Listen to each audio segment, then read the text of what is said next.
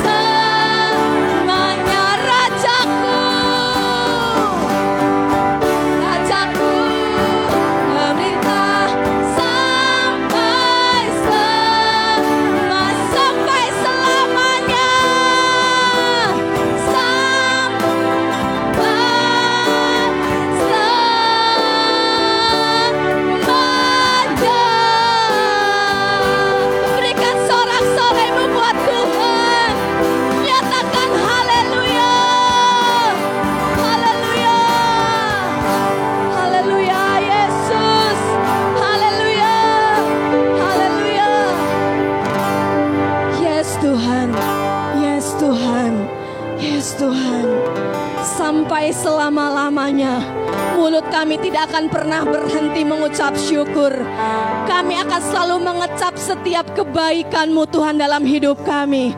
Terima kasih Yesus, terima kasih. Engkau, Engkau saja yang layak kami tinggikan Tuhan. Keberadaan kami hari ini adalah bukti kebesaran-Mu akan cinta-Mu akan hidup kami Tuhan. Terima kasih Yesus, terima kasih. Dan hari ini Tuhan, kami akan membalas setiap cintanya Tuhan lewat puji-pujian yang kami mau naikkan di hadapan-Mu, lewat sorak-sorai kami, kami mau bersuka cita bersama dengan umat-Mu yang lain Tuhan. Bekerjalah ya roh kudus di tempat ini, di rumah masing-masing setiap umatmu Tuhan. Kami yakin dan percaya berkatmu dan kuasamu sama Tuhan buat setiap umatmu. Terima kasih Bapak, terima kasih. Mari jemaat Tuhan angkat tinggi tanganmu. Kita mau terima, kita mau terima kekuatan yang baru dari Tuhan.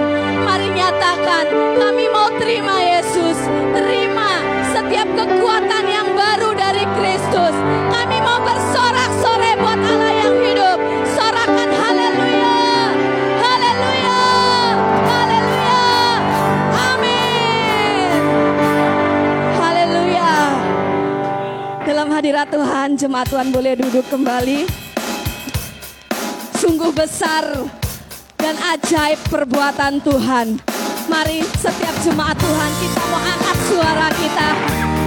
Serukan kebesaran nama Tuhan buat hidup. Kita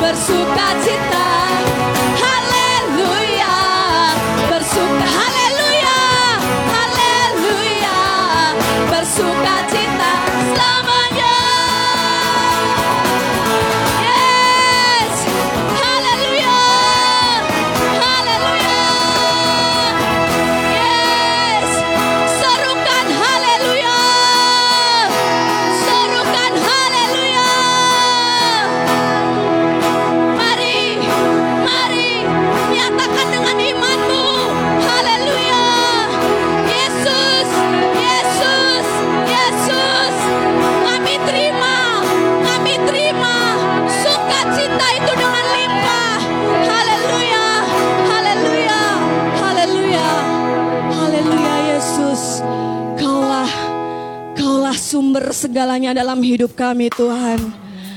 Kami bersyukur Bapa. Tuhan, ikat kami dengan roh kudusmu Tuhan. Berdiam, berdiam diri di hadapanmu. Menikmati setiap kemurahan dan anugerahmu Tuhan. Haleluya Yesus.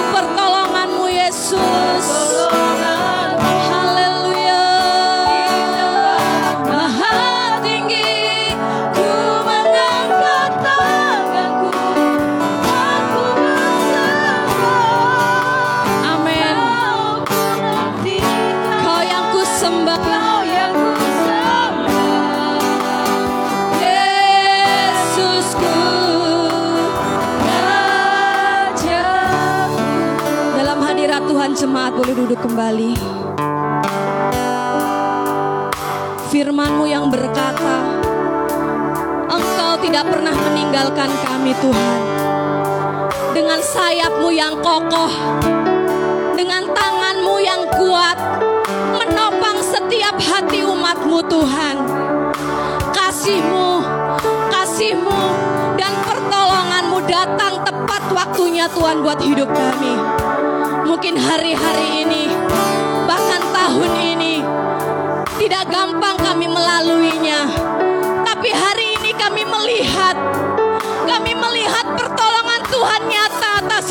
Kami Tuhan.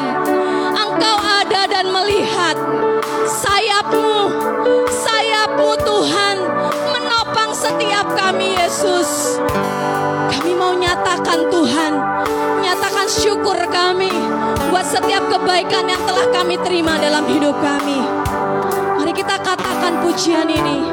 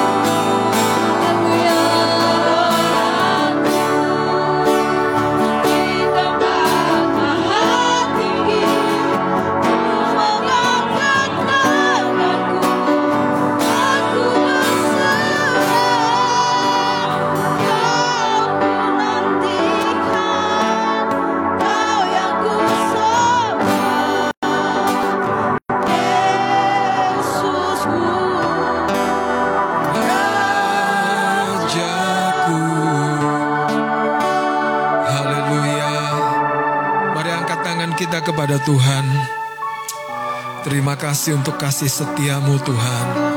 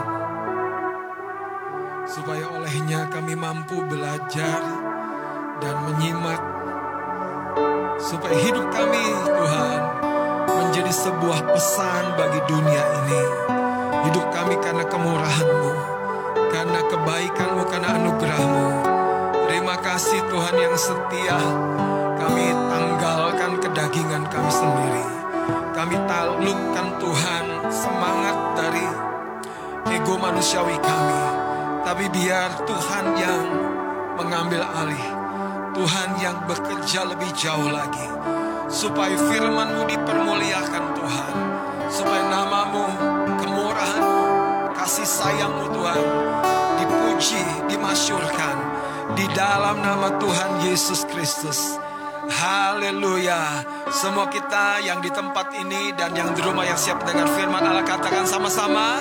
Amin. Haleluya. Beri kemuliaan bagi Tuhan Yesus. Puji Tuhan. Silakan duduk. Saya percaya ada sukacita di tengah-tengah kita. Amin. Dan kasih Tuhan begitu besar buat kita. Dan saudara, kalau kita hari ini beribadah di tempat ini, bukan sebuah kekurangan. Tetapi justru selalu mendatangkan kebaikan. Amin. Ya, selalu mendatangkan kebaikan. Masalahnya adalah kita harus belajar mengelola respon yang keluar dari hati kita, saudara. Sebetulnya segala satu yang Tuhan beri kepada kita dalam kacamata manusiawi kita mungkin berkat kecil, berkat besar. Tetapi dari Tuhan selalu yang terbaik, katakan amin. Ya, saudara. Mungkin kita perlu mendaki lebih tinggi dari orang lain. Tetapi kalau Tuhan yang memberi untuk engkau dan saya, selalu itu yang tepat, yang terbaik, yang mendatangkan damai sejahtera buat kehidupanmu dan kehidupanku. Amin. Itu sebabnya kita jangan punya pembanding yang salah. Kalau kita punya pembanding yang salah, kita akan masuk dalam jebakan roh dunia ini. Kita berlomba-lomba untuk keluar, kelihatan di luar. Di luarnya luar biasa, kerjanya bagus, eh, looks good, eh, pokoknya datang dengan kendaraan seperti ini, tinggal di rumah seperti itu. Tetapi saudara, jauh di kedalaman hati orang-orang tersebut, siapa yang tahu? Penuh dengan kecemasan, penuh dengan ketakutan, penuh dengan himpitan. Ada orang yang tinggal di kolong jembatan penuh sukacita. Tidak stres awal bulan, akhir bulan. Ada orang yang tinggal di, di kontrakan sepetak, tapi selalu bisa memberi waktu, memberi tenaga, memberi inspirasi, memberkati orang, mengunjungi orang lain. Mereka tidak habis waktunya untuk hanya mengurusi rumahnya. Iya, ada orang yang rumahnya tiga lantai, saudara, sudah stres duluan. Kenapa dia harus pikir, saudara, berapa lama dia harus bersihkan, atur, dan lain sebagainya. Akibatnya sindrom mata datang kepada orang-orang seperti ini. Apa? Gak punya waktu buat kehadiran Tuhan. Gak punya waktu untuk waktu teduh yang lebih dalam. Kenapa? Karena terburu-buru mau pelayanan. Haleluya. Haleluya. Terburu-buru mau pelayanan. Gak punya waktu untuk doa pribadi yang lebih dalam. Puji Tuhan. Semoga ada pertobatan. Kekasih-kekasih Tuhan. Kita harus tahu jalan Tuhan itu berbeda sekali dengan jalan kita sendiri. Dengerin baik-baik ya. Apalagi dengan jalan dunia yang coba-coba kau pakai. Tolong perhatikan. Jalan Tuhan itu berbeda sekali kata Alkitab. Seperti langit dan bumi saudara dengan kita. Apalagi dengan jalan dunia yang coba-coba kita pakai dalam hidup kita. Jalan dunia itu udah betul-betul kita tenggelam saudara. Kalau perahu itu udah bocor di depan, bocor di belakang, bocor di tengah. Sudah penuh dengan beban hidup. Iya sih di dayung. Tapi gak ke mana-mana karena bocor. Haleluya.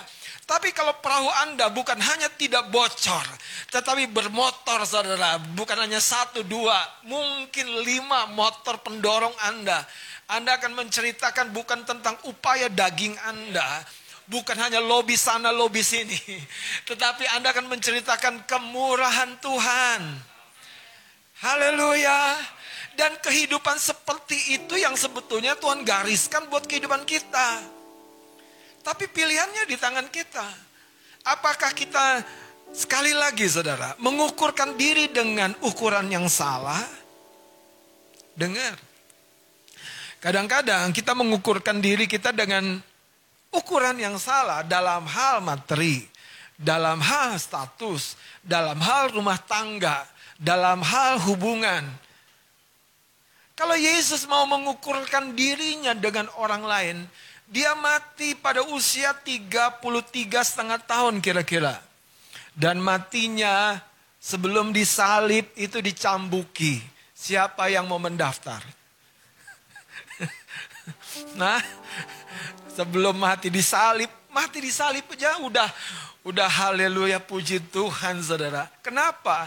Pada kisah itu yang tersalib itu sangat hina. Ini sebelum mati disalib, dicambuki babak belur, bukannya dicambuk, apa? Diarak, saudara. Bukan hanya diarak, diludahi. Kalau kita nggak tahan, saudara, baru diejek, direndahkan. Di mana salib yang kau pikul? Jangan-jangan ukur kita udah salah. Makanya kita nggak siap buat salib. Tolong dipikulin bang salib saya. Pak Gembala tolong dipikulin salib saya. Makanya kalau untuk seorang seperti Kak Ani, setialah, main keyboard lah, siapkan dirimu yang terbaik. Batuk itu bukan apa-apa. Iya. Saudara, dengerin saya. Waktu yang paling kritis buat hidup kita, tapi kita berada di posisi seharusnya di mana kita ada. Di situlah engkau dapat kehormatan double. Kenapa? Karena engkau melakukan bagianmu sekalipun tidak mungkin dengan kondisi fisik. Saya ingat beberapa waktu yang lampau saudara dalam proses tumbuh kembang saya sebagai murid. Saya memimpin kelompok pemuridan dan ada anggotanya salah satunya isi saya. Domba yang baik dan setia. Yang ngejarnya perlu agak cepat larinya. Karena isi saya termasuk gesit larinya. Dia ke timur, saya baru sampai. Dia udah sekian. Domba yang kedua yang Kadiana itulah adik saya.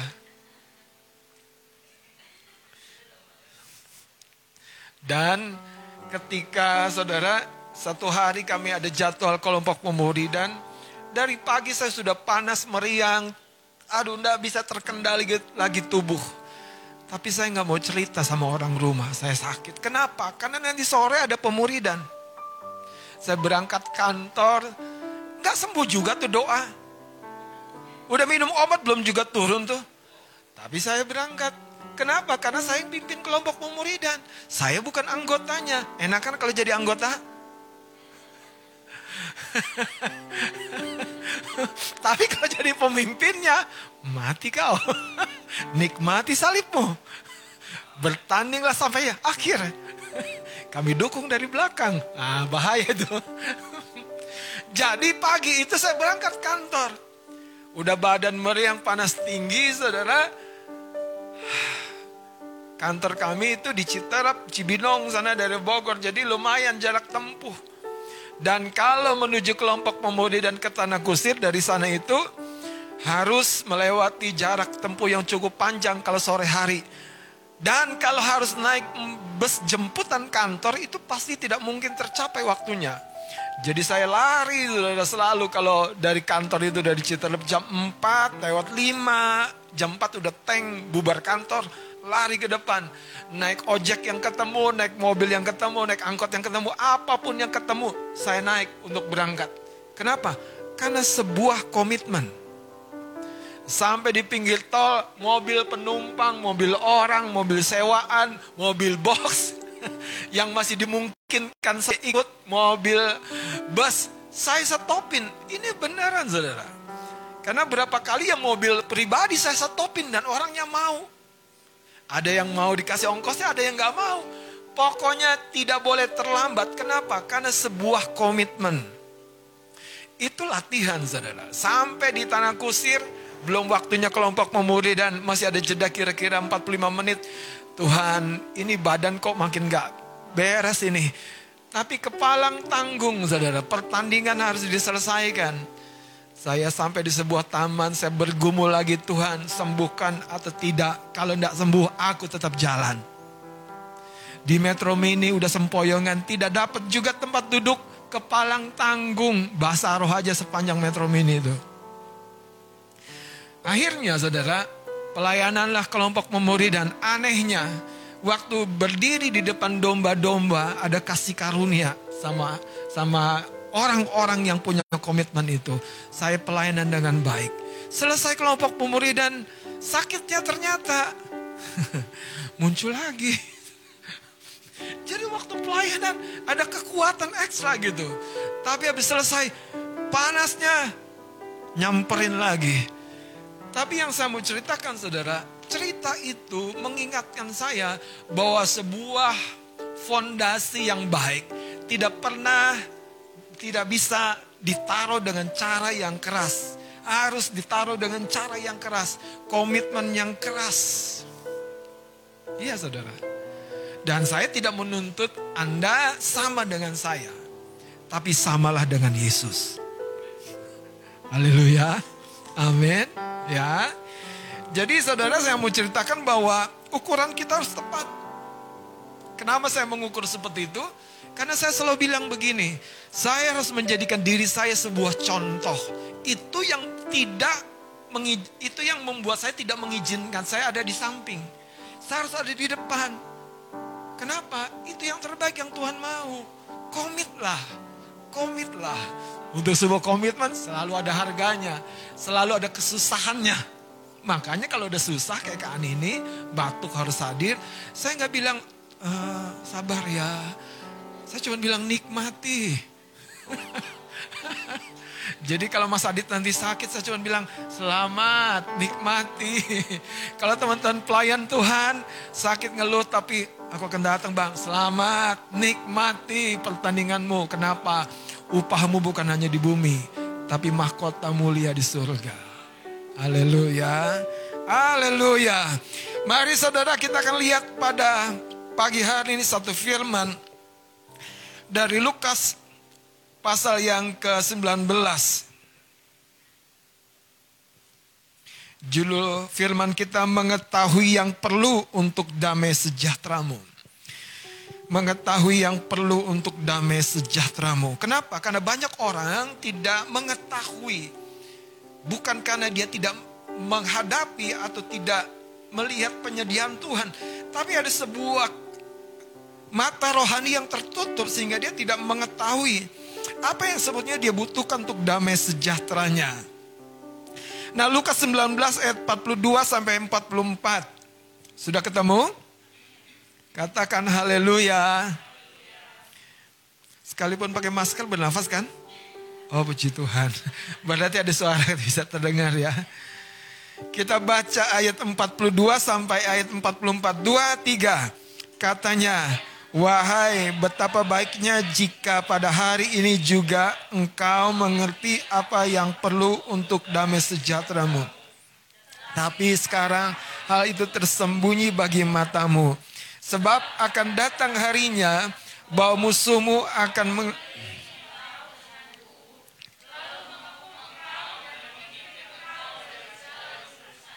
dan mereka akan membinasakan engkau beserta dengan pendudukmu dan pada tembokmu mereka tidak akan membiarkan satupun batu tinggal terletak di atas batu yang lain karena engkau tidak mengetahui saat bila mana Allah melawat engkau.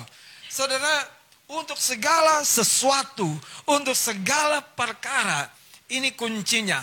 Ketika Tuhan melawat kita, ada kasih karunia terbuka. Ya, ya saudara saya mau beritahu. Ketika Tuhan melawat engkau, caranya Tuhan melawat kita, ya dengan cara yang luar biasa. Kadang dia utus malaikatnya, dan kadang dia lepaskan firmannya. Kadang dia sendiri hadir di ruang tidurmu.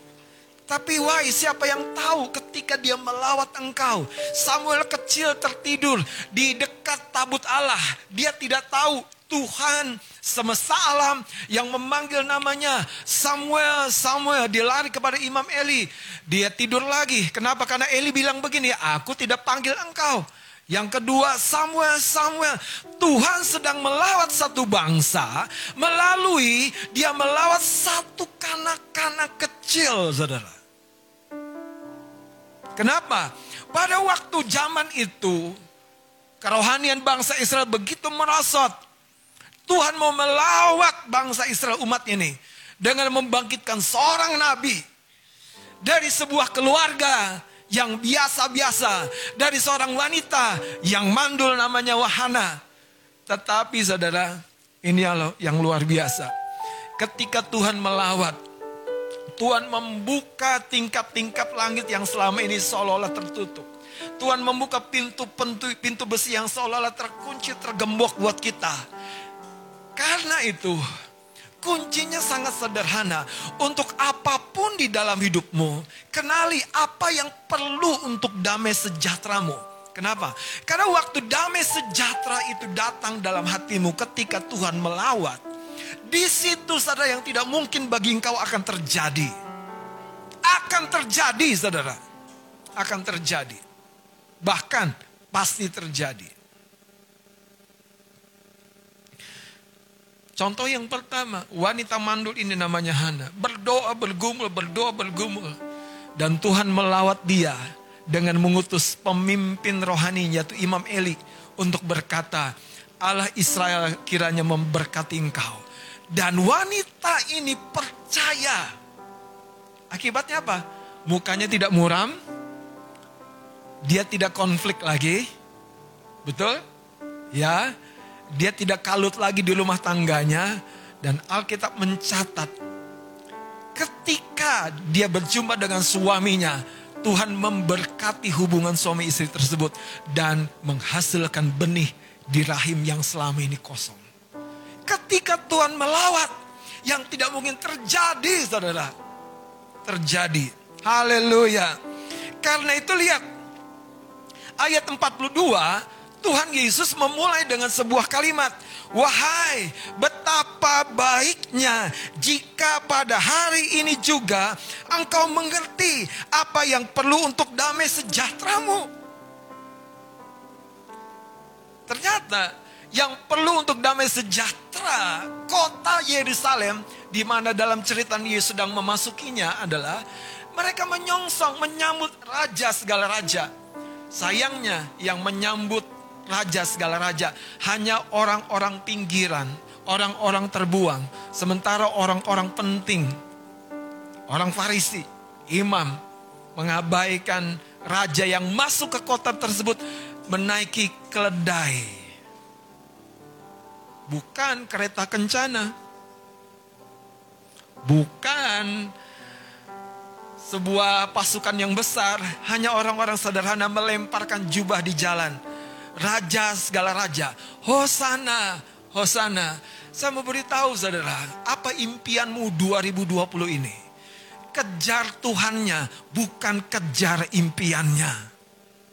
Dengar apa yang dia sampaikan, ini loh anakku, ini yang akan mendatangkan damai sejahteramu.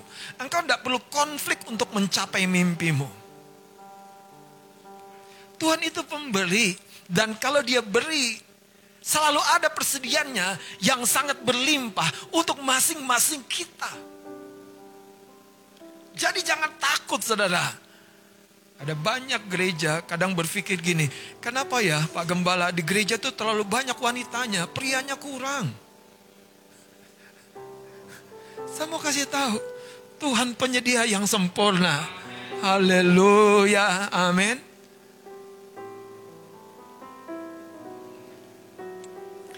Alkitab berkata, lihat saudara, ayat yang berikutnya, ayat 43, sebab akan datang harinya bahwa musuhmu akan mengelilingi engkau. Musuh dalam cerita ini ya memang tentara bangsa asing. Tapi dalam kehidupan kita musuh yang sesungguhnya itu konflik di rumah tangga. Konflik di pekerjaanmu, konflik di keuanganmu, konflik di kesehatanmu, konflik di batinmu sendiri. Engkau tahu yang benar tapi engkau tidak bisa melakukan yang benar dengan segenap hati. Karena kita tidak mengetahui apa yang perlu untuk damai sejahtera kita. Saudara pernah baca cerita tentang Maria dan Marta? Siapa yang lebih hebat? Siapa? Maria dong. Enggak juga. Marta tuh hebat. Maria bahkan cuma duduk-duduk aja waktu Yesus datang. Marta ngapain? Wah, kalau Marta itu ya mungkin kalau di sana ada lapo ya dialah juru masaknya.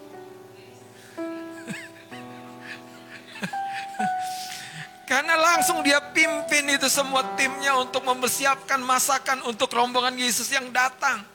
Tapi sayangnya Tuhan datang bukan untuk makan-makan di rumahnya. Bukan itu yang terutama. Makanya gini saudara, lihat si Marta ini. Dia bandingkan dirinya dengan Maria. Dia tidak lihat kepada Yesusnya yang berkata, Marta, kamu khawatir dan menyusahkan diri. Kamu konflik dengan dirimu, kamu konflik dengan saudaramu, kamu konflik dengan timmu. Karena engkau tidak melihat aku, engkau tidak mengenali aku. Aku datang ke sini untuk memberkati dan menuntun engkau. Tapi seolah-olah kamu perlu lakukan sesuatu untuk aku, kata Tuhan. Kapan terakhir Anda tuh memiliki sebuah rest di batin Anda? Melihat hari-hari di mana tuntutan datang. kapan Anda rest? Kalau Anda kesusahan untuk rest, untuk istirahat, menurut saya ada yang salah dalam hidupmu. Kekristenan tidak harus begitu kekasih-kekasih Tuhan. Engkau sedang menjatuhkan diri, Alkitab berkata, dalam berbagai-bagai kesusahan. Saya tunjukkan saudara. Lukas pasal yang pertama. Tuhan tidak ingin membuat anak-anaknya susah, depresi, tertekan, kalut. Kenapa? Karena Tuhan penyedia jalan damai sejahtera. Cuman kita harus tahu apa yang perlu untuk kita. Kalau dalam kasusnya Maria dan Marta apa? Duduk dekat kaki Tuhan. Tenang dengarkan suaranya. Lihat ah, Lukas pasal pertama.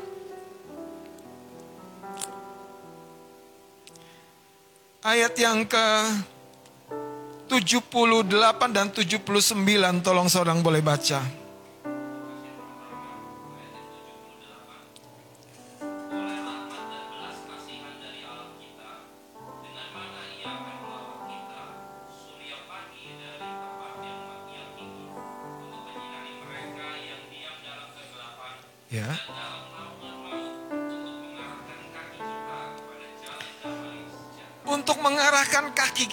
Jalan apa?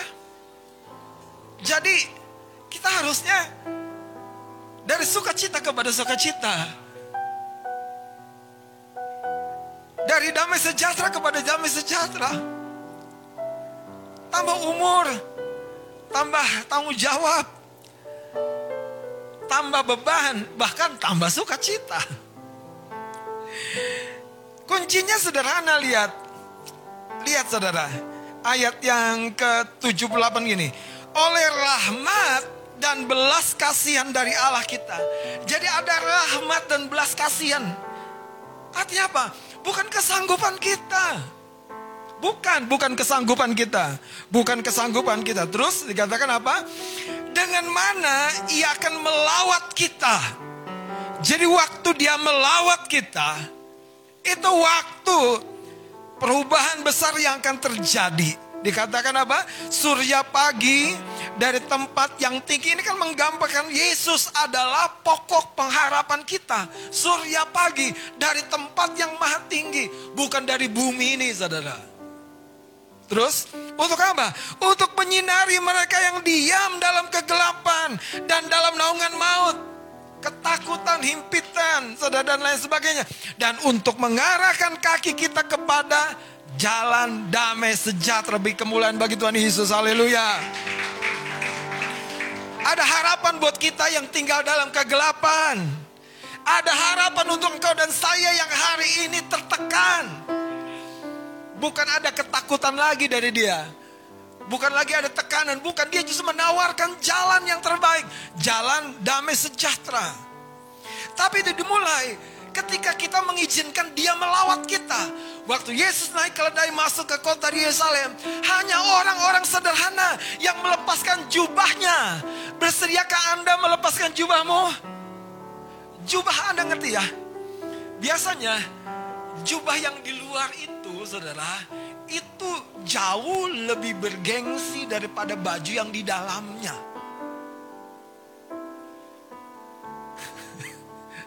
Dan baju yang di dalamnya bisa sederhana, tapi jubah yang di luar ini saudara biasanya warna-warni. Anda ingat cerita Yusuf yang dikasih jubah warna-warni oleh ayahnya, jubah kesayangan itu? Itu jubah bukan baju dalam ini. Dan kalau dikenakan itu menggambarkan seperti seorang raja dengan jubahnya. Dengan jubahnya. Nah, orang-orang ini melepas jubahnya dan meletakkan di jalan-jalan.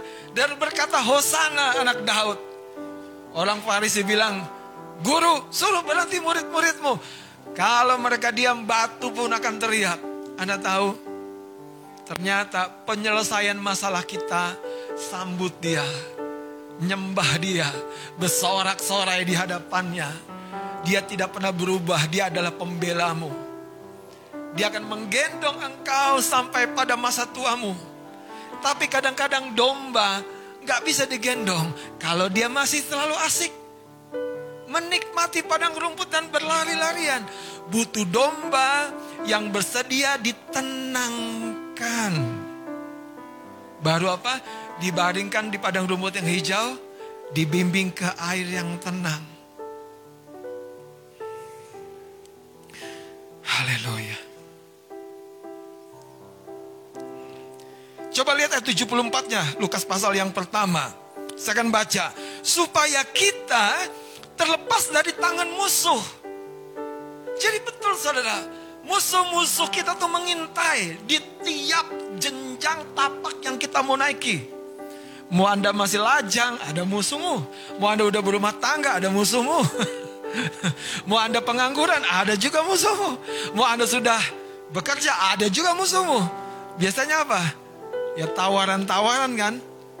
Bu, ini bu, eh, gratis iuran per tahunnya. Udah punya kartu kredit satu, kartu kredit dua, kartu kredit tiga, kartu kredit empat. Ya kan nggak apa-apa bang kalau yang satu gagal, yang satu lagi bisa. Ya, akhirnya apa yang terjadi? Apa yang terjadi? Kita menganggarkan diri kita secara salah, mengukur diri kita dengan salah. Ukur dirimu dalam kemurahannya. Makanya kau akan bilang begini, oleh karena kemurahan Tuhan ku ada sampai hari ini. Anda akan menyaksikan bukan kesanggupanmu tapi kemurahan Tuhan dan kemurahan Tuhan dan kemurahan Tuhan dan kemurahan Tuhan. Dan berkata, surely, sungguh kebajikan dan kemurahan Tuhan saja yang mengikuti aku seumur hidupku. Dan tugasku apa? Diam di rumah Tuhan. Bicara apa?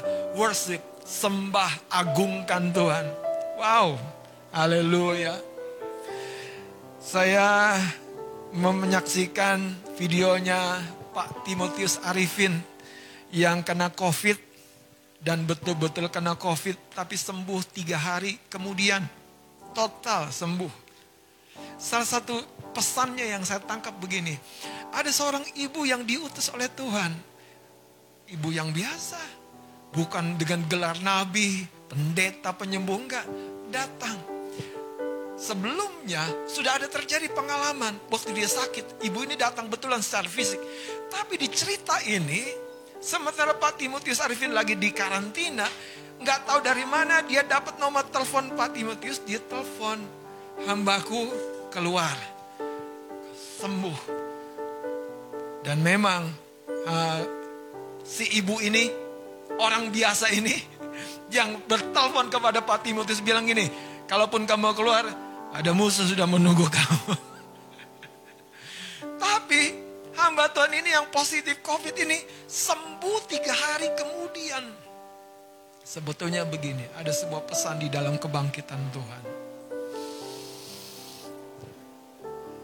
Kekasih-kekasih Tuhan, ukur hidup kita dalam kemurahannya. Amin. Amin. Siapa yang ngundang ibu itu datang dan telepon menyampaikan kata-kata Tuhan. Tuhan berkata hambaku sembuh engkau. Siapa? Tuhan. Siapa yang nyuruh? Bukan Pak Niko. Bukan siapa-siapa. Tuhan. Makanya dia tetap membelamu. Amin. Dia tetap El Shaddai. Allah Jehovah Jireh. Penyediamu. Tetap. Tapi masalahnya Apakah engkau seperti Marta atau seperti Maria menghadap Tuhan? Saudara Pak Timotius Arifin, waktu saya lihat videonya dan beberapa pemimpin menanggapinya, saya bilang gini, ya benar. Pak Timotius Arifin seorang penyembah, seorang pemuji. Dia bukan dikaruniai kuasa dan urapan yang hebat seperti hamba Tuhan yang lain. Tapi dia seorang pemuji penyembah. Haleluya bagi Tuhan jalan-jalannya dinyatakan justru kepada orang-orang yang sadar, aku nggak bisa Tuhan, aku nggak mau nekat. Tapi kadangkala kita, aku nggak bisa Tuhan, tapi aku nekat. Nah itu yang celaka. Coba lihat Biliam. Dalam bilangan pasal yang ke-22. Biliam gambaran yang menarik sekali. Kenapa? Karena dia seorang nabi Tuhan.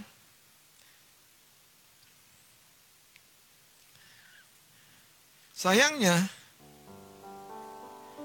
Beliam dalam karunianya yang hebat pun dia menyimpang dari jalan-jalan Tuhan. Lihat bilangan 22 ayat yang ke-21 saya akan baca. Keledai Biliam dan malaikat Tuhan. Lalu bangunlah Biliam pada waktu pagi dipelanailah. Dipelanailah nyalah keledainya yang betina dan pergi bersama-sama dengan pemuka-pemuka Moab. Tetapi bangkitlah murka Allah ketika ia pergi. Berdirilah malaikat Tuhan di jalan sebagai sebagai lawannya. Bilia mengendarai keledainya, keledainya yang betina dan dua orang bujangnya ada bersama-sama dengan dia. Ketika keledai itu melihat malaikat Tuhan berdiri di jalan dengan pedang terhunus di tangannya, menyimpanglah keledai itu dari jalan dan masuk ke sawah. Maka Bilia memukul keledai itu untuk apa? konflik. konflik.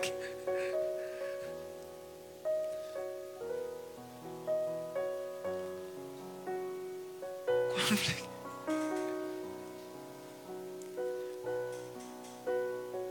Kapan terakhir Anda konflik dengan cuaca? Waduh, panas nih. Konflik dengan hujan. Konflik dengan lalu lintas. Makanya terlambat. Konflik dengan suami. Bis mandinya lama. Konflik dengan istri, dandannya lama. Konflik dengan si dogi di rumah. Karena mengganggu. mengganggu tanaman. Konflik lagi dengan semuanya. Saya beritahu saudara ada jalan damai sejahtera yang perlu kita kenali. Yang perlu untuk damai sejahtera kita. Lihat Biliam. Dia konflik dengan keledainya. Ayat 24, kemudian pergilah malaikat Tuhan berdiri pada jalan yang sempit di antara kebun-kebun anggur dengan tembok sebelah menyebelah. Ketika keledai itu melihat malaikat Tuhan ditekannya lah dirinya sam kepada tembok sehingga kaki Bileam terhimpit kepada tembok. Maka ia uh, ia menghajarnya pula si keledai. Padahal itu sebuah signal, Bileam jangan terusin jalanmu. Itu sebuah pesan. Ayo, konflik-konflik adalah sebuah pesan kita perlu waktu untuk meninjau kembali, saudara.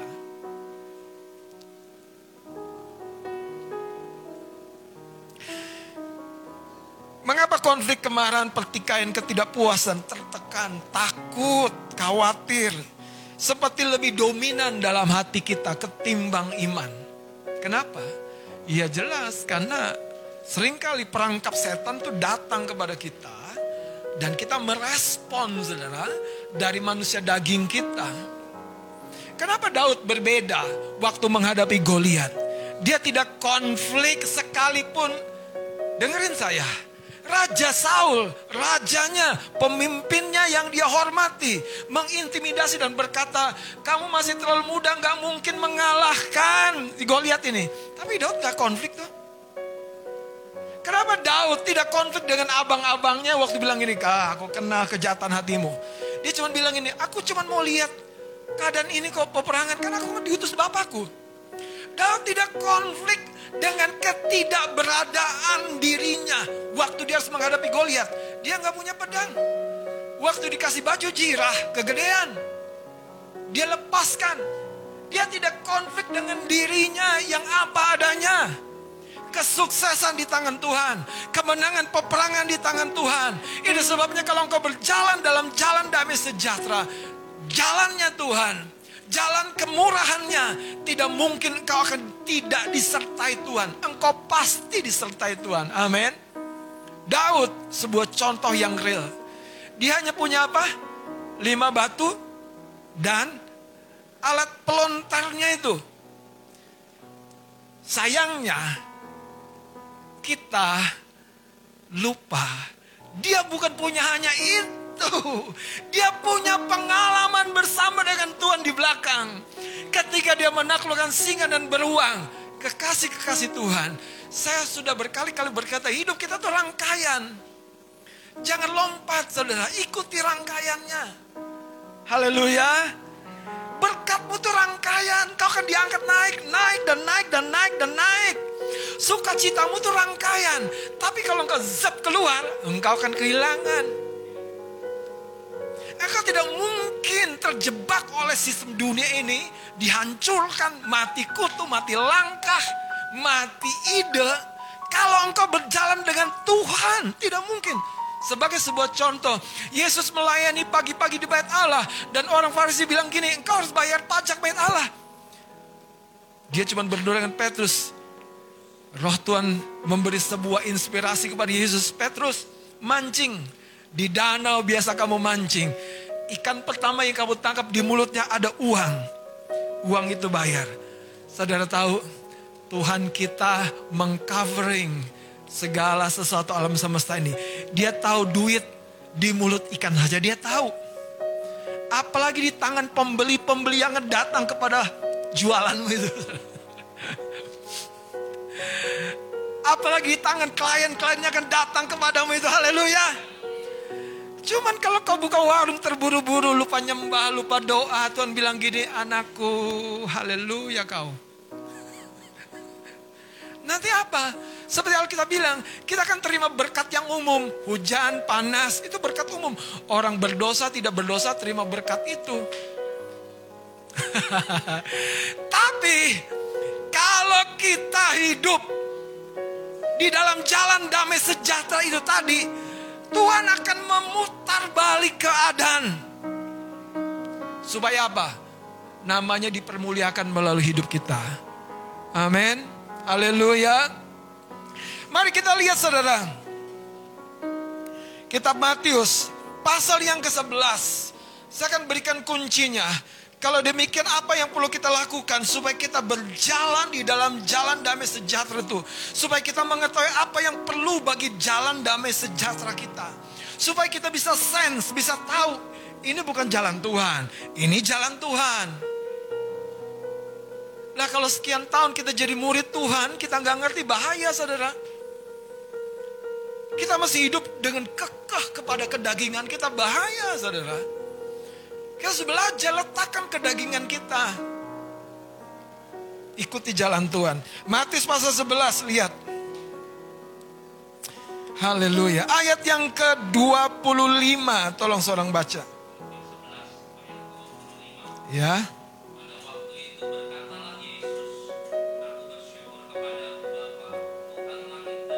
Lihat Yesus berkata apa? Aku bersyukur kepadamu Bapa Tuhan langit dan bumi. Dia mendeklar sesuatu yang menyatakan kemampuan, kesanggupan Tuhan yang besar itu. Terus? Bagi orang bijak, orang pandai, orang berilmu, orang berpendidikan. Disembunyikan. Tetapi lihat Alkitab berkata, orang yang kecil, orang yang tidak berdaya, yang justru mengandalkan kemurahan Tuhan. Masa depan kita tidak atau belum dan tidak mungkin tertutup bagi orang yang terus mengandalkan Tuhan. Anda perlu mendeklar kalau pagi hari yang baik sedang kujalani hari ini. Hari keberuntunganku. Ternyata besok hari keberuntungan lagi. Besok hari keberuntungan lagi. Ada hari sial nggak? Nggak ada. Makanya kita nggak perlu melebih-lebihkan jatuh, saudara. Udah gitu ketiban? Nggak perlu, saudara. Lebih baik jatuh ketiban tangga ketemu jodoh. Nah, kan enak tuh. Iya nggak? jatuh ketiban tangga ketemu jodoh. Wih, haleluya. Apa yang saya maksud? Lihat saudara Yusuf dijual oleh saudara-saudaranya, dijadikan budak, difitnah oleh istri bosnya, di penjara. Tapi di situlah proses didikan Tuhan supaya Yusuf tidak mengandalkan saudara kedagingannya, kediriannya, tapi mengandalkan kemurahan Tuhan. Daniel didesak oleh Raja Nebukadnezar. Siapa yang membaca Alkitabnya sudah sampai ke kitab Daniel, baca saudara. Dia dipojokkan, dipojokkan, dan dipojokkan, dan dipojokkan saudara. Tapi setiap kali dipojokkan dia bilang begini, tahan Tuhan upahmu, tahan Tuhan. Semua harta kalian yang hendak kau beri, aku pun akan mengartikan sebab kenapa. Bukan daripadaku tapi Tuhan yang punya langit dan bumi yang akan menyingkapkan rahasia mimpi Tuhan. Daniel yakin kenapa? Ini orang yang mengandalkan Tuhan. Anda tahu kita cuma instrumen ibarat trompet. Tergantung yang niup bukan kalau yang niup Marvel bunyinya ke mana Tapi kalau yang niupnya siapa? Mas Adit. Karena tenaganya lebih besar. Pasti lebih kuat, lebih kencang. Itu sebabnya kalau kita beri diri kita yang trompet ini kepada Tuhan. Haleluya saudara. Tapi kalau yang niup saudara dari kedagingan kita. Bunyinya terlalu, terlalu, terlalu, terlalu kecil sekali. Tapi kalau yang niup nafasnya Tuhan Jangan tinggi-tinggikan saudara titel. Jangan. Tinggikan kemurahan dan anugerah Tuhan. Jangan bilang gini, kalau gitu sekolahku sia-sia. Enggak, bukan itu maksudnya. Kejarlah cita-citamu, titelmu sebaik-baiknya. Tapi jangan jadi saudara, itu andalan. Amin. Haleluya. Saya berkata kepada jemaat dan teman-teman, ingat gak kenapa kita di kebun jeruk? Karena kemurahan Tuhan. Ingat gak kenapa kita di sini? Karena kemurahan Tuhan. Saya percaya gedung yang kita pun akan ibadah di dalamnya ibadah sendiri. Dalam anugerah Tuhan. Karena kemurahan Tuhan. Saya suka bilang waktu saya berangkat ke Israel. Tuhan tahu aja ya yang gak bisa nabung. Makanya berangkatnya bukan dari tabungan.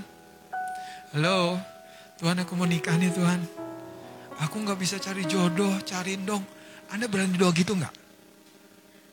Nah itu kan dong, nggak yakin kan? Kasian deh. Nggak kenal sama bapaknya sendiri itu berarti kan? Haleluya. Nggak kenal sama bapaknya sendiri. Kalau anda bilang ini Tuhan, aduh mataku nih seringnya cuman kepada cowok ganteng Tuhan. Tapi engkau yang kenal segala sesuatu. Kalau Anda bilang begitu, tangan Tuhan itu akan memberi jalan damai sejahtera. Matamu tiba-tiba saudara diberikan kasih karunia untuk melihat sesuatu yang jauh lebih dalam dari yang tertampak di luar.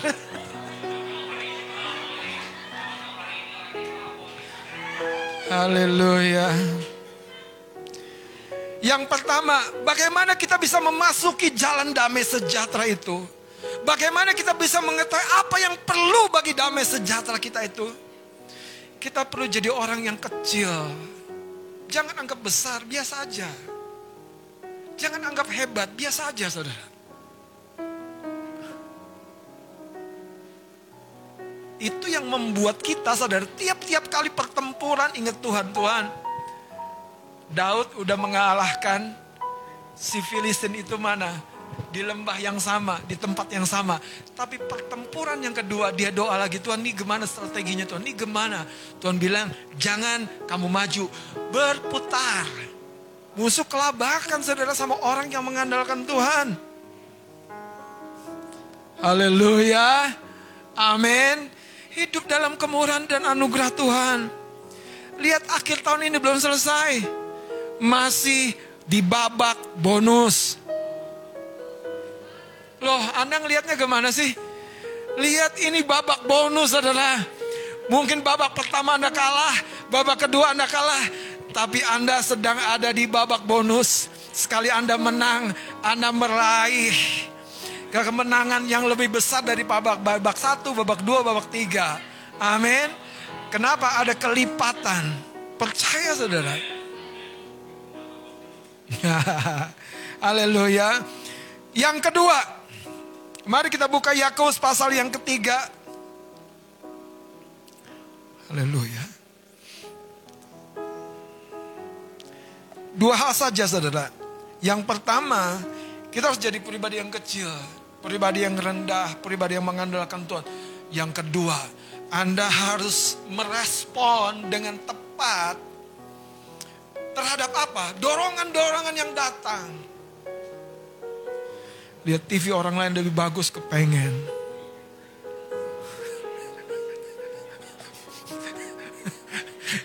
TV di rumah lantas jelek aja kelihatannya. Lihat ho- handphone orang lain lebih bagus.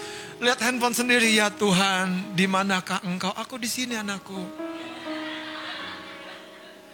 Kenapa Anda tiba-tiba kehilangan percaya diri? Haleluya. Tenang, tenang, tenang, tenang. Dalam latihan Tuhan, saya sudah sekian kali didorong untuk dengan banyak teman, banyak sahabat untuk jual tuh motor butut Grand Astrea. Yang waktu kali pertama perintisan, boncengin kasari jebol, patah. Boncengin eh, siapa? Teman-teman kadang-kadang harus bertiga, patah, dilas. Tapi saya bilang, bang jual kek, kredit kek. Enggak, saya mau melihat kemurahan Tuhan. Emang gila sih, konyol sih, nggak normal. Tapi saya nggak konflik. Saya nggak konflik. Sampai tiba datang waktunya, saya beli kas dalam anugerah dan kemurahan Tuhan. Dan buat saya, itu sebuah pijakan-pijakan yang tidak pernah akan saya lupakan. Sorry ya, saya ngomong apa adanya. Kalau teman-teman lihat mobil kami, atau abang mobilnya ke mana gitu Pak Gembala. Saya nggak gengsi kekasih-kekasih Tuhan. Saya nggak perlu turun derajat dengan mobil tahun 2007. Dengerin. Dengan motor butut-mut pun Anda harus full expression. Anda gagah dalam Tuhan. Anda penuh urapan saudara. Urapan tidak ditentukan dari motormu yang butut atau yang baik.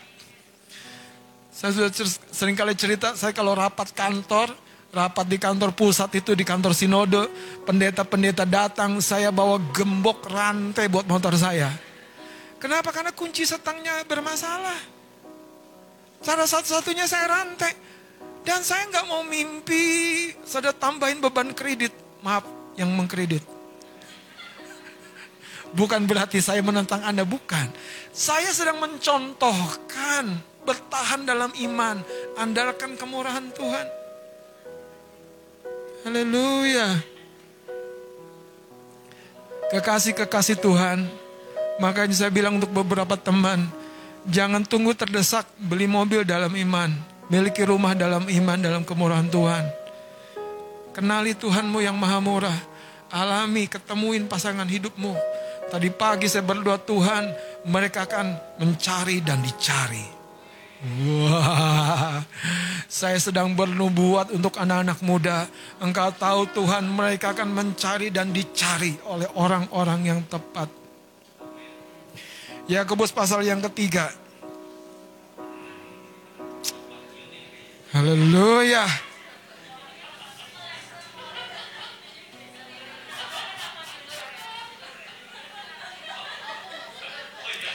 Opung aja semangat, opung semangat.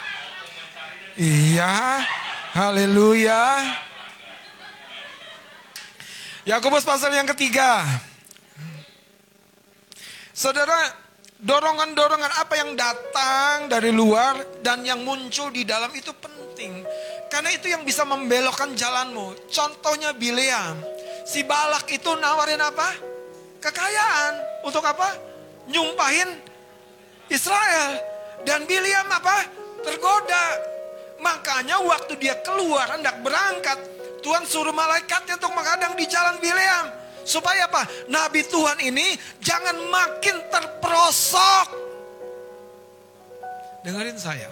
Kalau Anda tahu Anda sedang menuju jalan terperosok, berhenti kekasih Tuhan. Berhenti. Lihat saudara.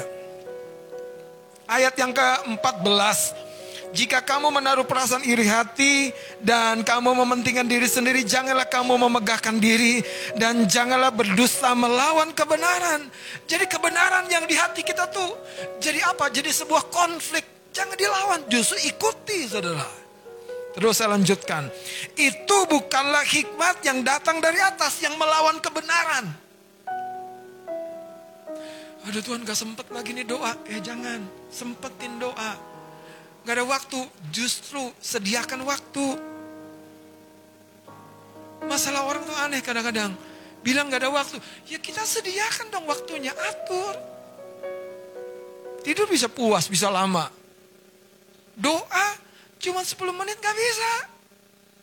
Katakan ke laut aja. Kenapa saudara?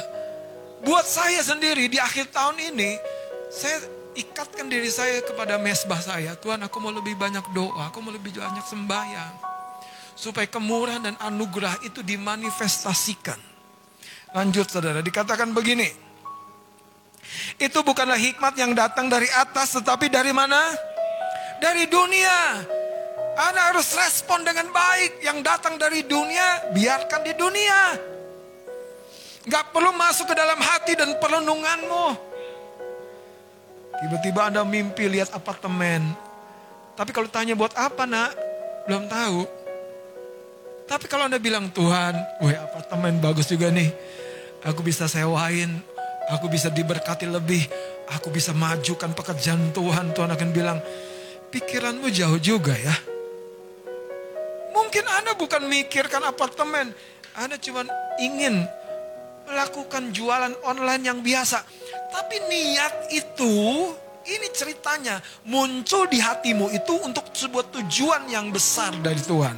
Saya lanjutkan saudara. Tadi dari mana? Dari dunia, kemudian dari nafsu manusia. Yang terakhir dari Iya, ini tiga jenis hikmat yang bukan dari Tuhan. Dari mana? Dari dunia. Kemudian dari nafsu manusia. Ini yang di dalam, saudara. Yang dari dunia itu di luar. Tapi kalau nafsu manusia, lihat ini kepengen, lihat itu kepengen. Rem, saudara. Ingat, apa yang perlu. Kepengen tidur belum tentu perlu tidur loh. Kepengen makan belum tentu perlu makan. Apa yang perlu, saudara? Prajurit-prajurit yang baik. Contohnya di Alkitab. Seperti Uria. Disuruh Daud pulang ke rumah kamu. Istirahat dengan istrimu. Uria stay di istana. Dia tetap tinggal di tangga istana. Dia tidak menyamankan dirinya. Kenapa? Dia tahu aku seorang prajurit. Kalau hidup kita tahu untuk Tuhan, segala sesuatu untuk Tuhan, andalkan dia. Dia maha baik, maha murah. Amin. Respon saudara dengan benar. Makanya yang datang dari dunia tolak saudara. Yang datang dari nafsu redamkan. Yang datang dari setan tengking saudara. Kenapa? Ujungnya cuma apa? Lihat saudara ayat 16. Sebab di mana ada iri hati dan mementingkan diri sendiri di situ ada kekacauan dan segala macam perbuatan jahat. Saudara, pikiran kita bisa liar. Kalau kita mengadopsi saudara, pikiran-pikiran dari dunia, dari hawa nafsu kita, bahkan dari setan-setan.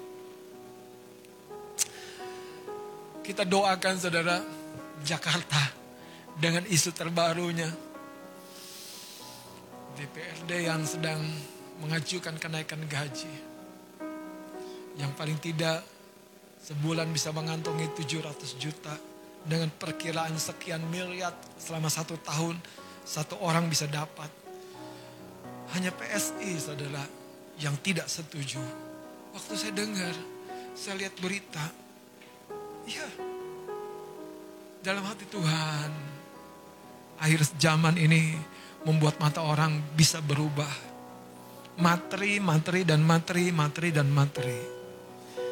Kita bisa baik loh dalam permulaan jalan.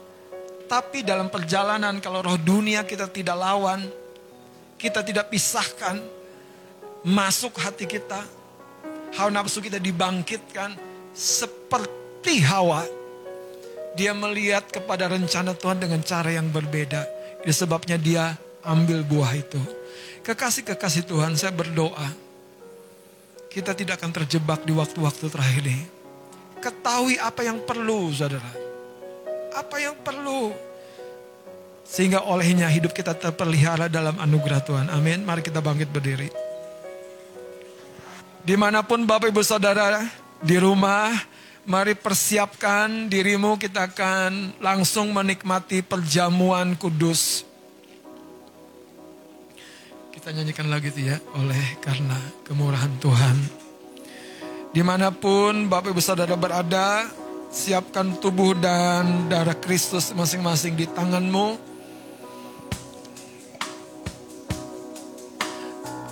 Haleluya. Biarlah jalan damai sejahtera membawa engkau dari mana pun engkau beranjak dari kota kecil kepada kota besar dari jabatan biasa-biasa kepada jabatan penting dari posisi yang tidak dilihat orang kepada posisi yang harus selalu menjaga diri karena diperhatikan orang kemurahan dan anugerah Tuhan yang akan mengawal engkau belajar hidup dalam jalan damai sejahtera. Yesus masuk kota Yerusalem dan berkata, "Wahai, kalau engkau tahu apa yang perlu kekasih Tuhan, ambil waktu teduh. Izinkan roh Tuhan mengajar kita. Hidup engkau dan saya indah. Hidup engkau dan saya tidak perlu diisi dengan stres, tertekan, tidak perlu. Sebab dia Tuhan yang maha baik. Mari katakan oleh karena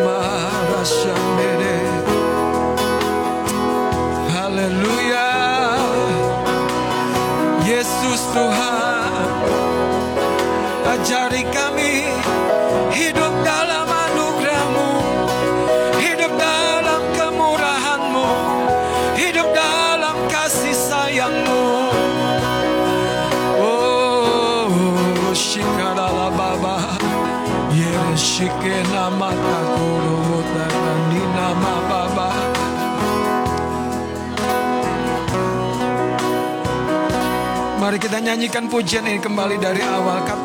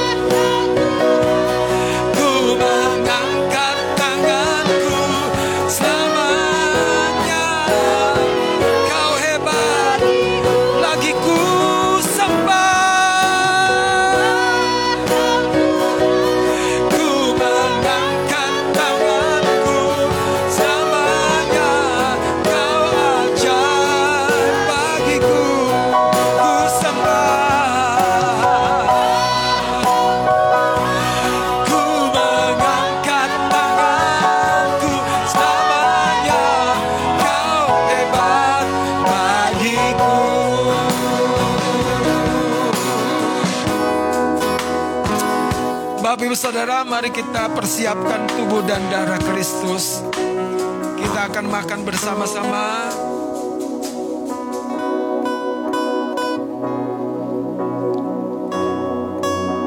Kenapa dia mati supaya kita yang terkutuk karena dosa dapat hidup?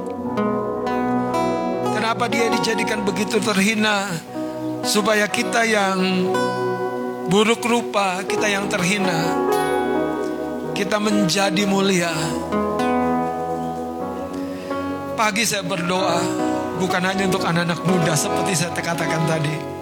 Saya berdoa supaya oma-oma, opa-opa dipenuhi karisma Kristus. Dipenuhi dengan hikmat dan nasihat.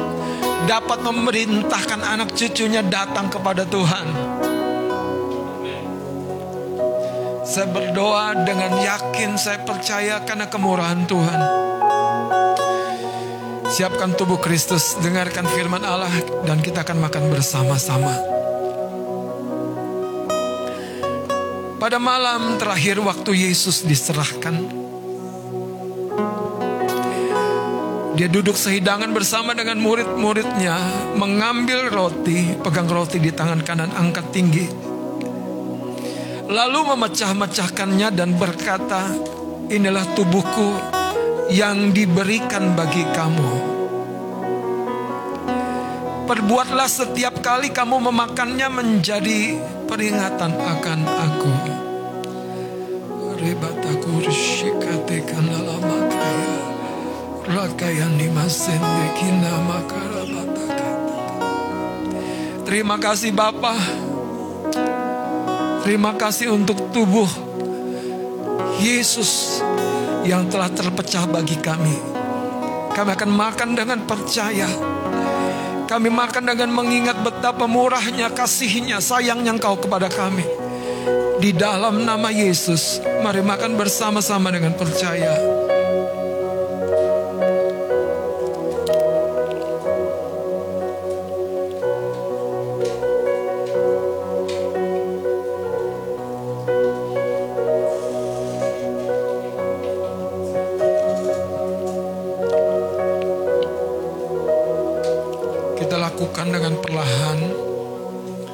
Sebab Dia Tuhan yang mengajar kita bahwa Dia tidak pernah terlambat, tapi Dia juga tidak pernah terburu-buru. Dia tidak pernah terlambat, namun Dia juga tidak pernah terburu-buru. Setelah makan, lalu mengambil cawan, pegang cawan di tangan kananmu angkat tinggi di hadapan Tuhan. Bapak saudara yang di rumah, mari sama-sama. Lalu berkata inilah cawan yang dimateraikan oleh darah, oleh darahku. Inilah cawan perjanjian baru yang diberikan sebagai tanda kasih sayang dan anugerahnya yang telah menghapus dosa dan pelanggaran kita. Mari kita berdoa. Bapa terima kasih. Kasih sayang kemurahan dan anugerahmu. Kiranya itu yang mengawal kami pagi, siang, dan malam. Di rumah, di perjalanan, di pekerjaan. Kami tidak lagi tertindis dengan ketakutan, kekhawatiran, kecemasan. Kami jalani hidup dalam kemurahan Allah.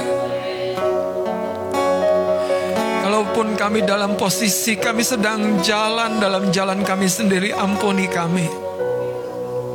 Basuh kami. Selaraskan kami kembali Tuhan melihat kemurahan-Mu yang besar, yang hebat itu. Terima kasih untuk darah-Mu. Kami mau minum dengan percaya di dalam nama Tuhan Yesus Kristus. Mari minum bersama.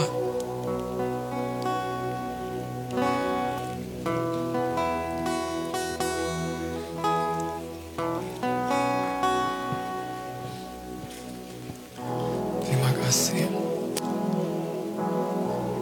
Di tempatmu masing-masing berdoa, bersyukur. Biliam entah bagaimana fokus kepada perjalanannya, fokus kepada keledainya,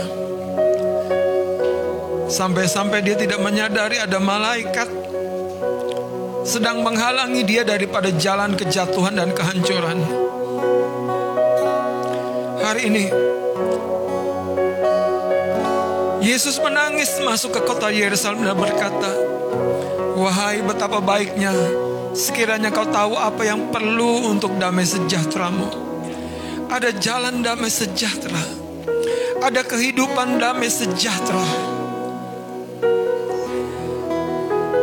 Dari kecil, remaja, youth and young, dewasa muda, menikah berumah tangga, biarlah penuh damai sejahtera. Menantikan pekerjaan, bekerja, penuh dengan damai sejahtera. Yesus mengambil semua keluh kesah dan ketakutanmu. Dia berkata, biarlah yang lemah berkata, aku kuat. Dia berkata, biarlah yang miskin berkata, aku kaya. Oleh karena kemurahan Tuhan. Syakarala mata karana.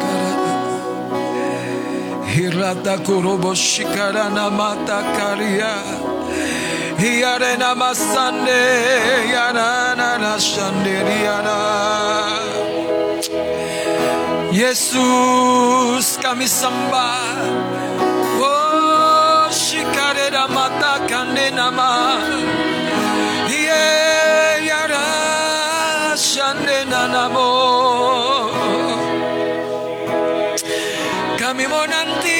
nanti-nantikan engkau Berbicara bagi kami.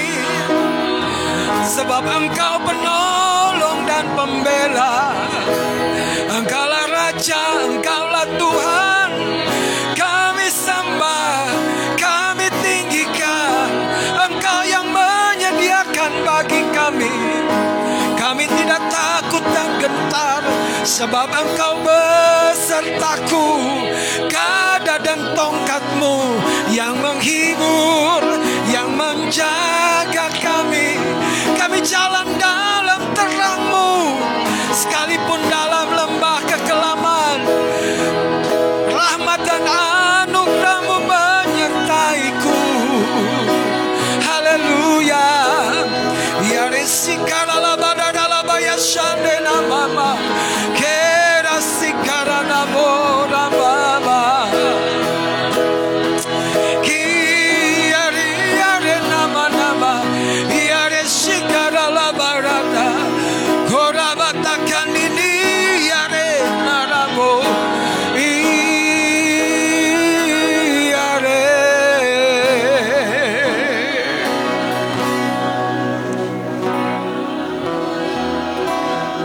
Saya sebentar. Ada seorang teman pendeta di daerah Tobasa, Taput, Tapanuli Utara. Bertelepon menceritakan kondisi pelayanan di sana. Ada kesusahan hatinya yang dia sampaikan melalui WhatsApp kepada saya. Saya membacanya dan saya balas Pak, kalau ada waktu boleh kami bertelepon ya, boleh saya bertelepon dan kita ngobrol. Pada waktu ngobrol saudara, dia ceritakan keluh kesahnya. Saya hanya memberikan ulasan dari apa yang memang sudah disampaikan dalam surat. Surat dari kantor pusat sudah diluncurkan tentang perubahan-perubahan tentang rencana kerja dan lain sebagainya.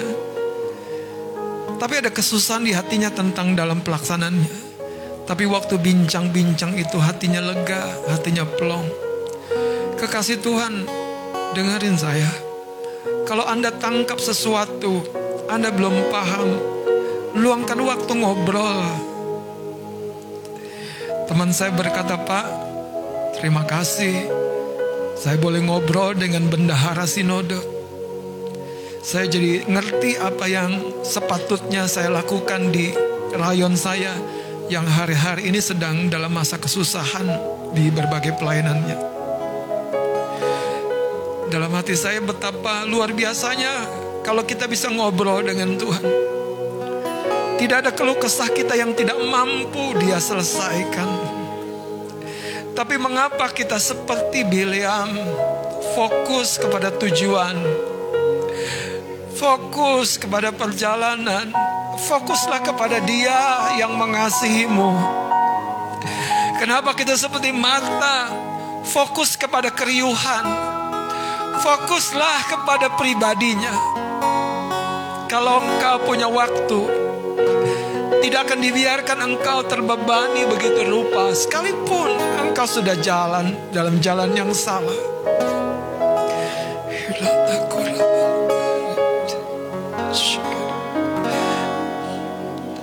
Dia sembunyikan kepada orang-orang yang bijak, terpelajar pintar, tapi dia singkapkan kepada orang-orang yang kecil. Ambil waktu, angkat suaramu, ngobrol dengan bapamu, bincang-bincang dengan dia. Dia maha mengerti dan dia maha tahu pergulatanmu. Saburata kadala.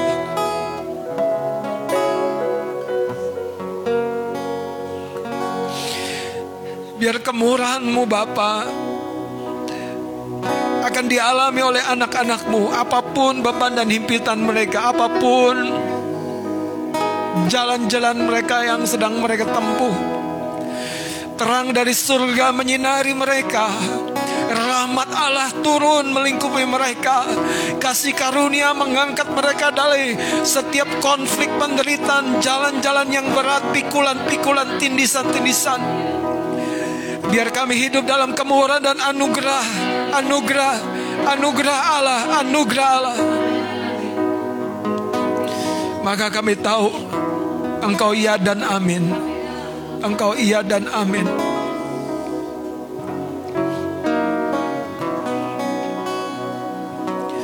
Engkau tahu di hatiku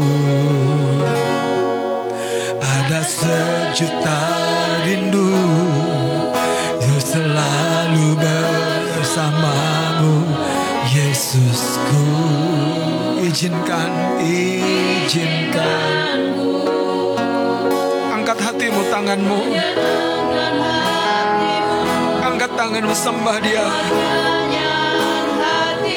Katakan biarkanlah Biarkanlah ku menyembah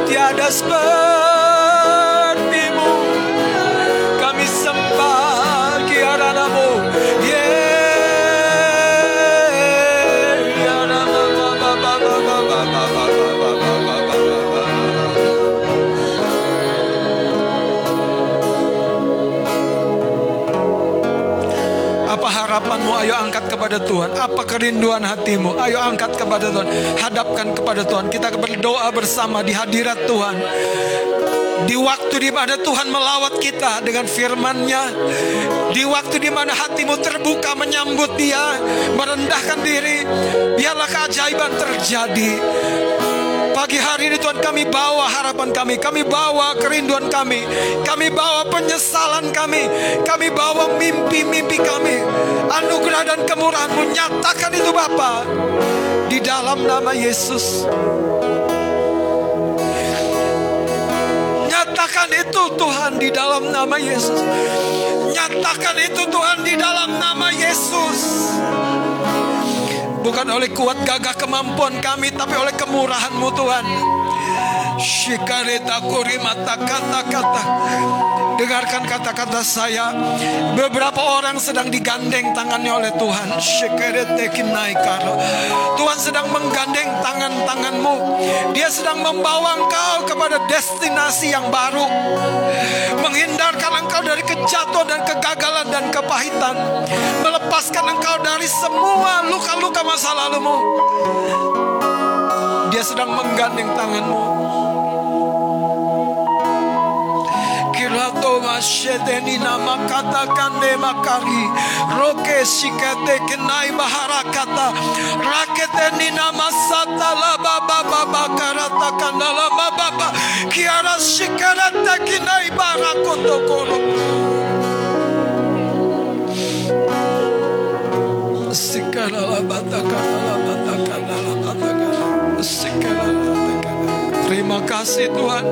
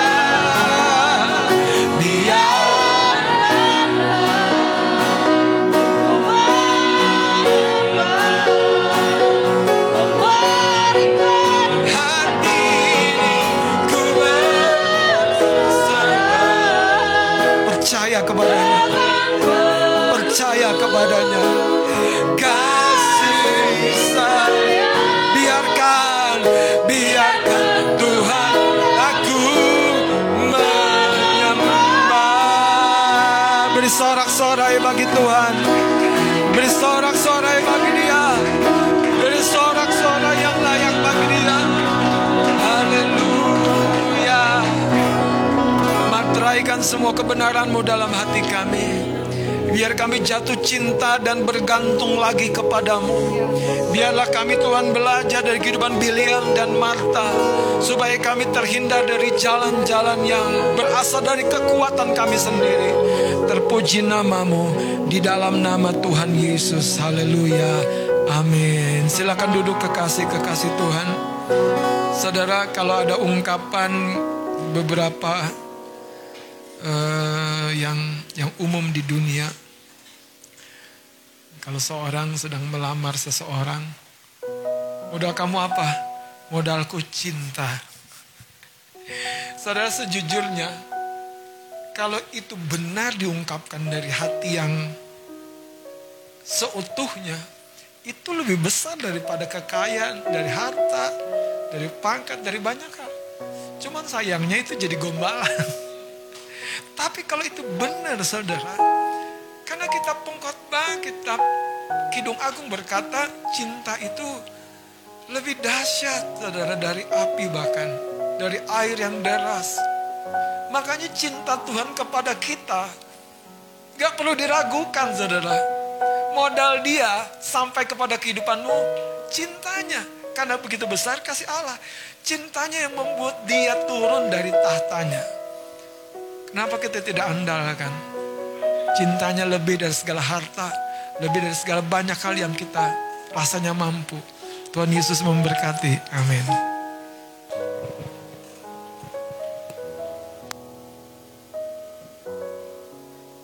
Haleluya. Puji Tuhan, kita diberkati oleh kebenaran firman Tuhan hari ini. Biar menjadi kekuatan dan iman percaya kita semakin ditambahkan kepada Tuhan Yesus. Dan sebentar uh, saya buka setiap uh, pengumuman untuk kegiatan gereja kita seminggu ke depan. Yang pertama, kami informasikan saya mewakili panitia Natal 2020 karena satu dan lain hal Natal kita akan dilaksanakan diundur waktunya. Kita akan laksanakan kita akan rayakan bersama pada tanggal 20 Desember 2020 pukul setengah empat sore. Kita percaya ya saudara tanggal dan waktu ini adalah yang terbaik dari Tuhan. Amin. Biar kita persiapkan setiap hati kita bersuka cita untuk merayakan Natal umum kita. Dan puji Tuhan kita kemarin dari gereja anak telah bersama-sama merayakan Natal khusus gereja anak pada tanggal 5 Desember di tempat ini dan kita juga ada acara kunjungan ke rumah anak-anak yang beribadah di rumah. Puji nama Tuhan karena anugerah Tuhan semuanya berjalan dengan lancar dan luar biasa. Dan tu, uh, dan informasi selanjutnya Seluruh informasi kegiatan akan disampaikan melalui sekretariat lewat WhatsApp grup GPI Kemah Pujian. Nama Tuhan dan sebentar kita akan bersama-sama mempersiapkan persembahan kita dan perpuluhan kita karena ini adalah minggu pertama bagi setiap Bapak Ibu yang dikasih Tuhan yang ada di tempat ini maupun di rumah yang akan memberikan persembahan atau perpuluhan bisa ditransfer kepada rekening bendahara maupun dititip ke sekretariat. Dan kita akan bersama-sama mempersiapkan persembahan dan perpuluhan kita. Sebelumnya kita akan menerima arahan dan doa dari Bapak Gembala. Waktu dan tempatnya saya persilahkan.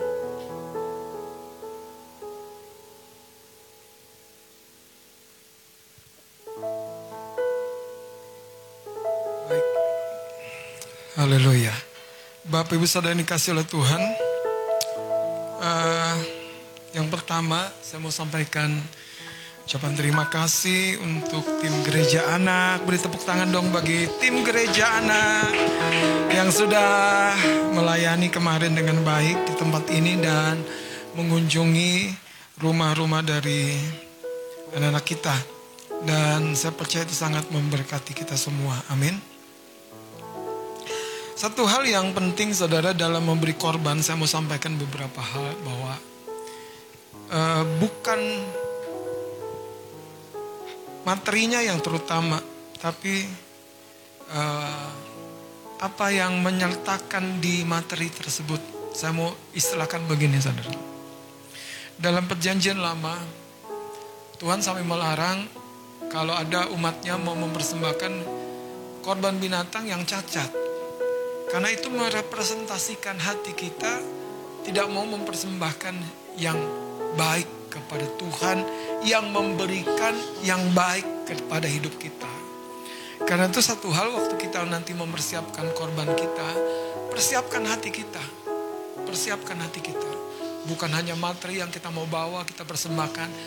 Tapi hati kita itu penting. Amin.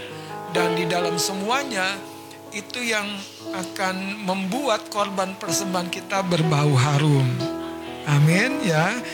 Baik, mari persiapkan korban persembahan kita, kita berdoa. Segala korban persembahan kami, dan kami bersyukur untuk kepercayaanmu sepanjang bulan ini, kalaupun kami akan membawa persepuluhan kami. Engkaulah yang menerima Tuhan, Engkaulah yang dipermuliakan, dan kiranya segala korban persembahan kami berbau harum, Karena kami bawa, kami persembahkan dari hati yang mengasihi Tuhan. Kami mau memberi yang layak, yang menyenangkan hati Tuhan. Sebagai korban ucapan syukur, sebagai ikatan kasih setia kami kepadamu. Sebagaimana engkau mengikat kami dengan kasih setiamu.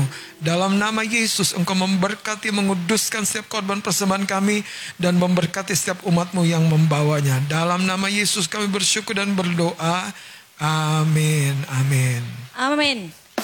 Sambil kita berikan persembahan, kita akan puji nama Tuhan. Dialah sukacita dan sumber pengharapan kita.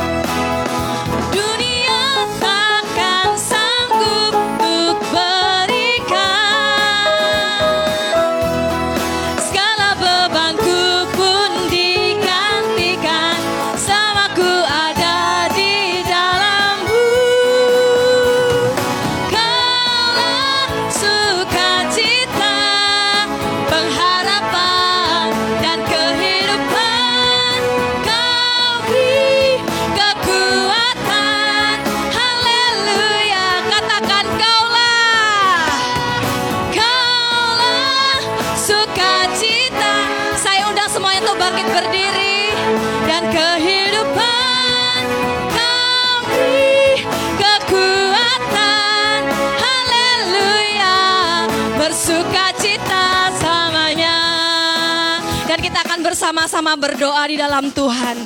Kami mengucap syukur Tuhan. Engkaulah sumber sukacita dan pengharapan bagi setiap umatmu. Lewat kebenaran firmanmu hari ini, kami meyakini dan amin Tuhan. Di sisa hari tahun 2020 ini kami percaya ini adalah Tuhan waktu Tuhan belum selesai. Tuhan akan nyatakan bagi setiap kami, pergumulan kami, masa depan kami, setiap hal-hal dalam hidup kami. Kami percaya akan kami terima di dalam nama Yesus. Ini adalah tahun bonus buat kami. Tahun kelimpahan buat umatmu Tuhan. Terima kasih Bapak, terima kasih. Hari ini kami bersatu hati umatmu yang ada di tempat ini maupun di rumah. Kami mengangkat tinggi tangan kami. Kami berdoa untuk bangsa kami Indonesia Tuhan. Kami berdoa untuk pilkada tanggal 9 Desember nanti Tuhan. Penjagaan malaikatmu nyata atas bangsa kami. Atas daerah-daerah di tempat kami. Semuanya aman, semuanya tentram, semuanya sehat di dalam nama Yesus. Biarlah setiap pemimpin yang terpilih itu adalah yang terbaik. Itu adalah utusan Tuhan untuk memajukan daerah kami dan bangsa kami Tuhan. Terima kasih Yesus, terima kasih. Dan kami sungguh mengucap syukur buat setiap kemurahan dan anugerahmu untuk gereja kami. Kami percaya Tuhan akan melawat setiap umatmu. Jemaat GWI Kemah Pujian. Kami dijagai, kami dinaungi dengan sayapmu yang kuat. Kami terima kekuatan yang baru setiap saat Tuhan. Kami berdoa mengucap syukur buat setiap tempat yang telah kami Tuhan tempat untuk beribadah. Kami berdoa untuk Ibu Rini sekeluarga. Hikmat khusus engkau nyatakan di dalam nama Yesus. Dan kami berdoa buat sekretariat di tempat ini. Ada keamanan di dalam nama Yesus. Buat keluarga Opung Hutagalung, Tuhan memberkati di dalam nama Yesus. Lingkungan ini aman, aman akan penjagaan Tuhan. Terima kasih Bapak, terima kasih. Dan kami sekali lagi mengangkat tinggi tangan kami. Berdoa untuk pemimpin kami yang kami kasihi. Bapak dan Ibu Gembala berserta keluarga besar. Ada dalam naunganmu Yesus. Tuhan melihat, Tuhan melihat setiap kesetiaannya membimbing umatmu. Menuntun umatmu untuk menerima sesuatu yang besar dalam hidup kami. Berkatmu yang khusus engkau nyatakan buat pemimpin kami. Sehat, aman setiap langkahnya di dijagai oleh Tuhan. Terima kasih Yesus, terima kasih. Dan di akhir ibadah ini Tuhan, kami mau berkata terus bersuka cita sepanjang minggu ini, sepanjang bulan ini, bahkan tahun ini. Kami terima kekuatan yang baru dan sukacita dari Tuhan. Mari kita sama-sama tepuk tangan, nyatakan kaulah sukacitaku.